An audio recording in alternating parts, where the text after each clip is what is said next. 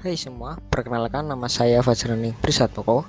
Pada episode kali ini saya akan membahas mengenai citizen journalism. Apa itu citizen journalism? CJ atau yang biasa dikenal citizen journalism merupakan kegiatan jurnalis yang dilakukan oleh warga biasa atau warga yang bukan merupakan seorang wartawan atau jurnalis. Citizen journalism atau jurnalisme warga makin dekat dan makin uh, sering kita jumpai di terutama di internet. Citizen journalism uh, saat ini merupakan hal yang tidak terlepas dari perkembangan teknologi yang makin pesat dan makin maju sehingga tidak menutup kemungkinan warga yang menyebarkan informasi yang mereka alami ke media massa seperti televisi, cetak maupun radio. Nah, di negara asalnya, Amerika Serikat, CJ berkembang dan diakui oleh masyarakat karena pada beberapa kasus blog milik seorang netizen yang justru lebih mendapat perhatian dari media konvensional. Misalnya saja seperti unkt.com yang mendapatkan kunjungan satu juta hit atau satu juta klik per hari melebihi dari audiens harian nasional pundit yang di mana harian nasional pundit merupakan salah satu media yang ada di Amerika Serikat. Nah, fenomena kegiatan jurnalistik masa kini tidak hanya dilakukan oleh orang-orang yang berkecimpung di dunia media saja nih. Namun semua masyarakat bisa melakukan kegiatan mencari, mengumpulkan, mengolah, dan menyebarkan informasi di media masa, baik itu media konvensional atau media online. Nah, dengan memperhatikan aspek dan keabsahan yang diusung oleh citizen jurnalis seperti format dari sebuah berita mulai dari waktu, hari, serta tempat kejadian baik berbentuk visual ataupun video bahkan audio serta tulisan. Nah, kemudian kehadiran citizen jurnalis memberikan warna bagi pers di Indonesia dengan kegiatan jurnalistik yang sekarang tidak lagi milik jurnalis profesional akan tetapi uh, kini warga biasa pun memiliki informasi untuk uh, bisa diper disebarluaskan. Nah, oleh karena itu nih, citizen jurnalis tidak bertujuan untuk menciptakan keseragaman opini atau uh, penyamaan penyamarataan pandangan, akan tetapi lebih menitik beratkan pada ini semua yang terjadi di sekitar kita. Pemberitaan citizen jurnalis lebih mendalam dengan proses penayangan di media sosial atau di berita televisi dengan menggunakan visual dari masyarakat. Citizen jurnalis dipandang sebagai bentuk partisipasi aktif masyarakat untuk menyuarakan opini secara lebih leluasa, sistematis, serta dapat diakses secara umum dan sekaligus menjadi rujukan alternatif. Dengan adanya fenomena yang terjadi saat ini, citizen jurnalis hanya memikirkan kecepatan, untuk dipublikasikan. Kenapa kecepatan? Karena mereka tuh ingin langsung informasi langsung tersampaikan oleh uh, para pembaca, para pendengar, para penonton yang melihat uh, berita dari citizen journalism tersebut. Nah, mengapa sih bisa begitu? Uh, sebab citizen journalism ini lebih fokus pada berita-berita uh, yang penting atau berita-berita biasanya ya bisa-bisa berita-berita penting yang harus langsung diberikan kepada tem uh, penonton, pembaca, bahkan uh, media. Kemudian, nah tanpa melakukan verifikasi yang biasa dilakukan oleh citizen jurnalis dengan alasan agar berita yang ditulis menjadi traktual ketika kemudian berita kurang akurat menjadi tingkat menjadikan tingkat kepercayaan masyarakat itu berkurang nih teman-teman. Nah, sehingga hal tersebut menciptakan istilah baru yang dinamakan berita hoax. Apa sih berita hoax? Berita hoax adalah berita yang tidak benar dan direkayasa.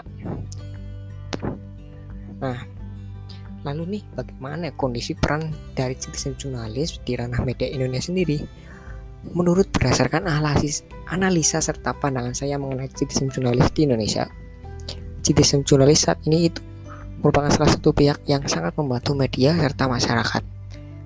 Seperti berita atau sebuah kejadian yang diliput oleh citizen jurnalis mengenai sebuah bencana atau musibah yang dialami masyarakat sehingga media dengan mudah langsung meliput kembali kejadian tersebut kepada halayak yang lebih luas lagi seperti media online, televisi hingga radio. Dan itu mengapa menurut saya citizen jurnalis itu sangat penting, sangat membantu masyarakat serta media.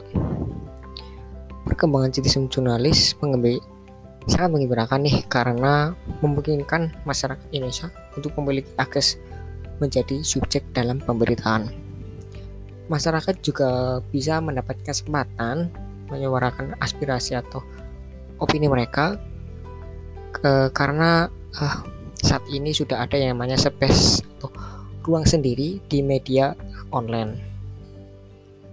Hal ini tuh penting mengingat media massa meski berada di lingkup negara yang memiliki kebebasan pers tetapi memiliki keterbatasan juga karena kita tahu di Indonesia itu sangat ketat ya seperti peraturan yang kita kenal yaitu Undang-Undang ITE.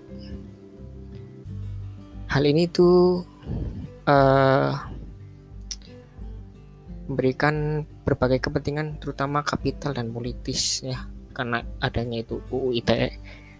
Dengan demikian maka yang penting untuk menyambut CJ atau citizen jurnalis yang diharapkan akan memberikan warna tersendiri yang lebih uh, jujur di dunia media di Indonesia.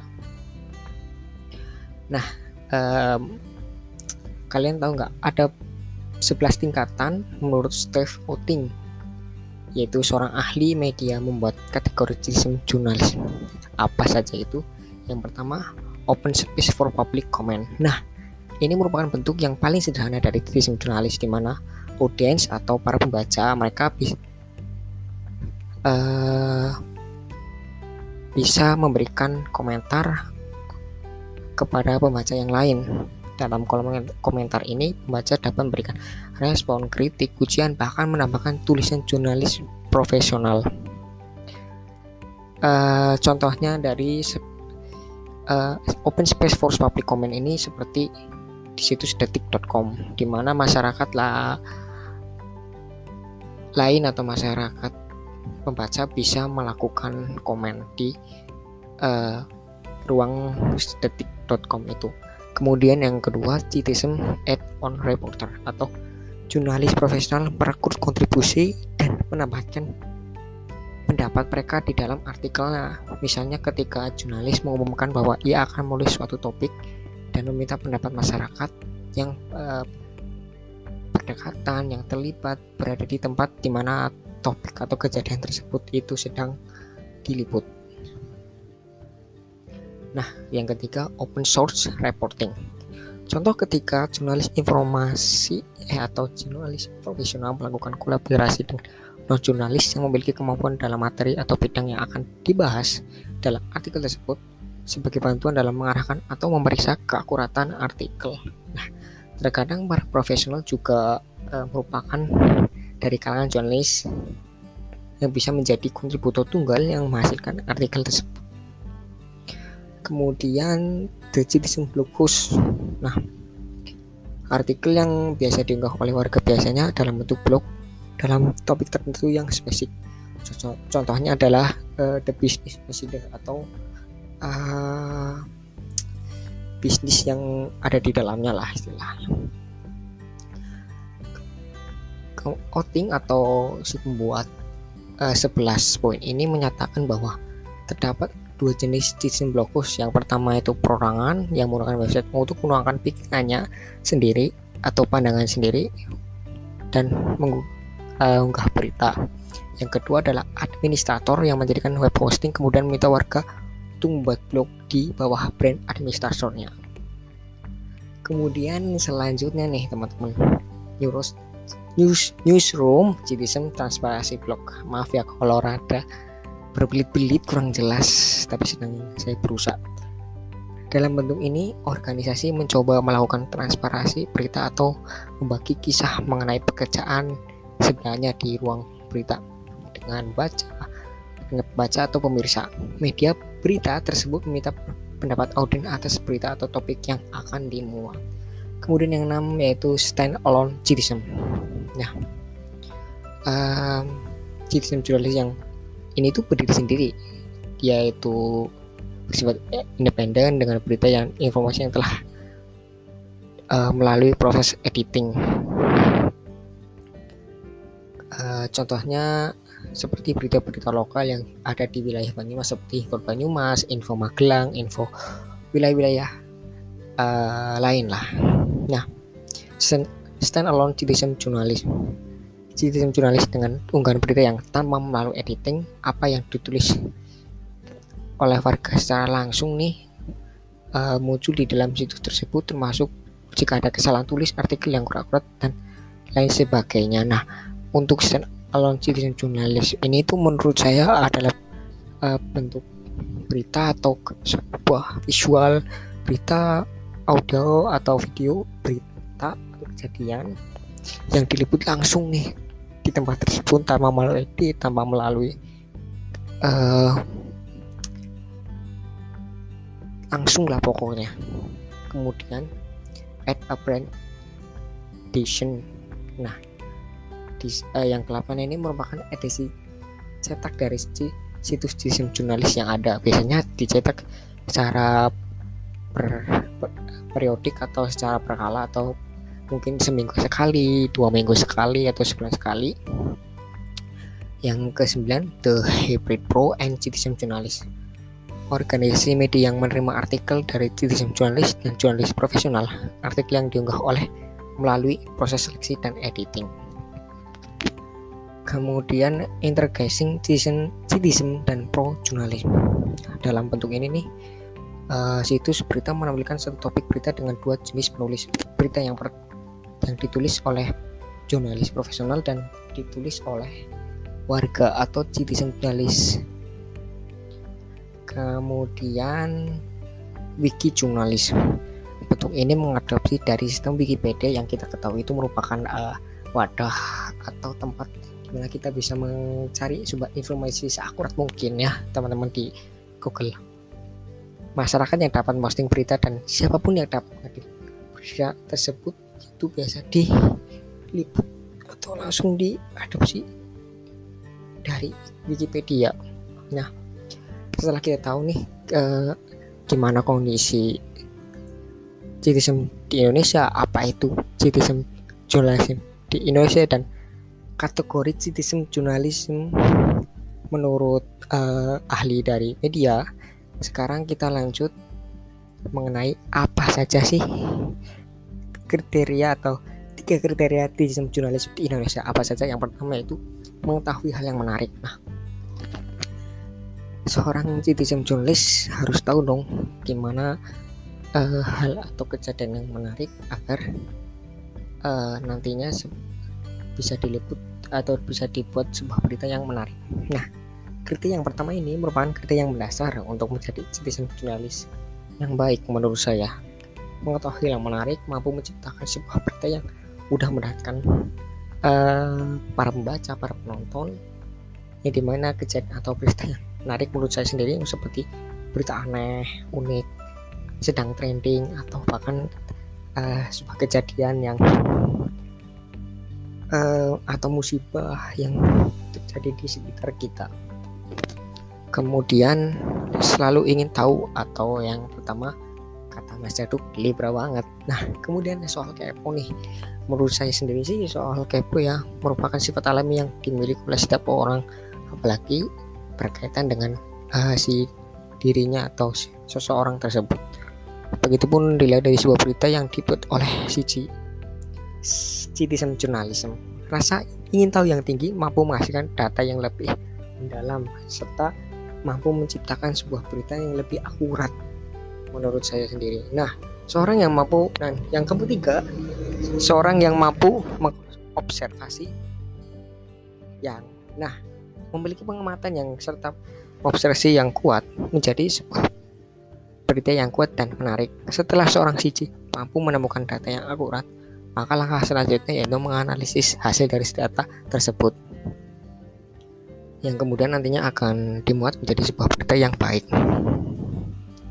Nah, contohnya itu kemudian setelah kita tahu nih uh, teori dasar, teori uh, penjelasan dan pemahaman mengenai citizen jurnalis, selanjutnya kita langsung ke salah satu contohnya nih uh, dari citizen jurnalis.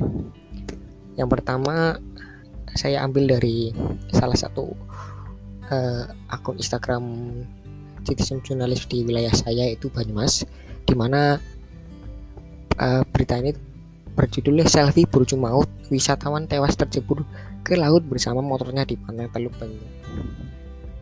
Kita tahu nih uh, teman-teman pantai itu kan pasti tahu ada, ada yang namanya uh, pemecah ombaknya. Nah wisata asal Ciamis dikabarkan tenggelam nih di di area pemecah ombak pantai Teluk Cilacap Minggu uh, tanggal 11 bulan Mei sekitar jam 6 pagi. Dari informasi yang dihimpun, korban terjebur dan tenggelam bersama motornya diduga korban tenggelam karena motornya terpleset saat hendak berfoto di atas pemecah ombak. Berita tersebut saya ambil dari akun Instagram Info Banyumas yang di mana akun tersebut merupakan salah satu bentuk citizen jurnalis di, di wilayah Banyumas sendiri sebab akun tersebut membahas mengenai kejadian informasi yang ada di wilayah Banyumas. So mungkin itu saja podcast sederhana yang bisa saya berikan ke semua teman-teman terutama Mas Jaduk. Uh, mohon maaf uh, apabila perkataan informasi yang saya berikan uh, kurang jelas. Semoga paham terima kasih uh, dan sehat-sehat selalu semuanya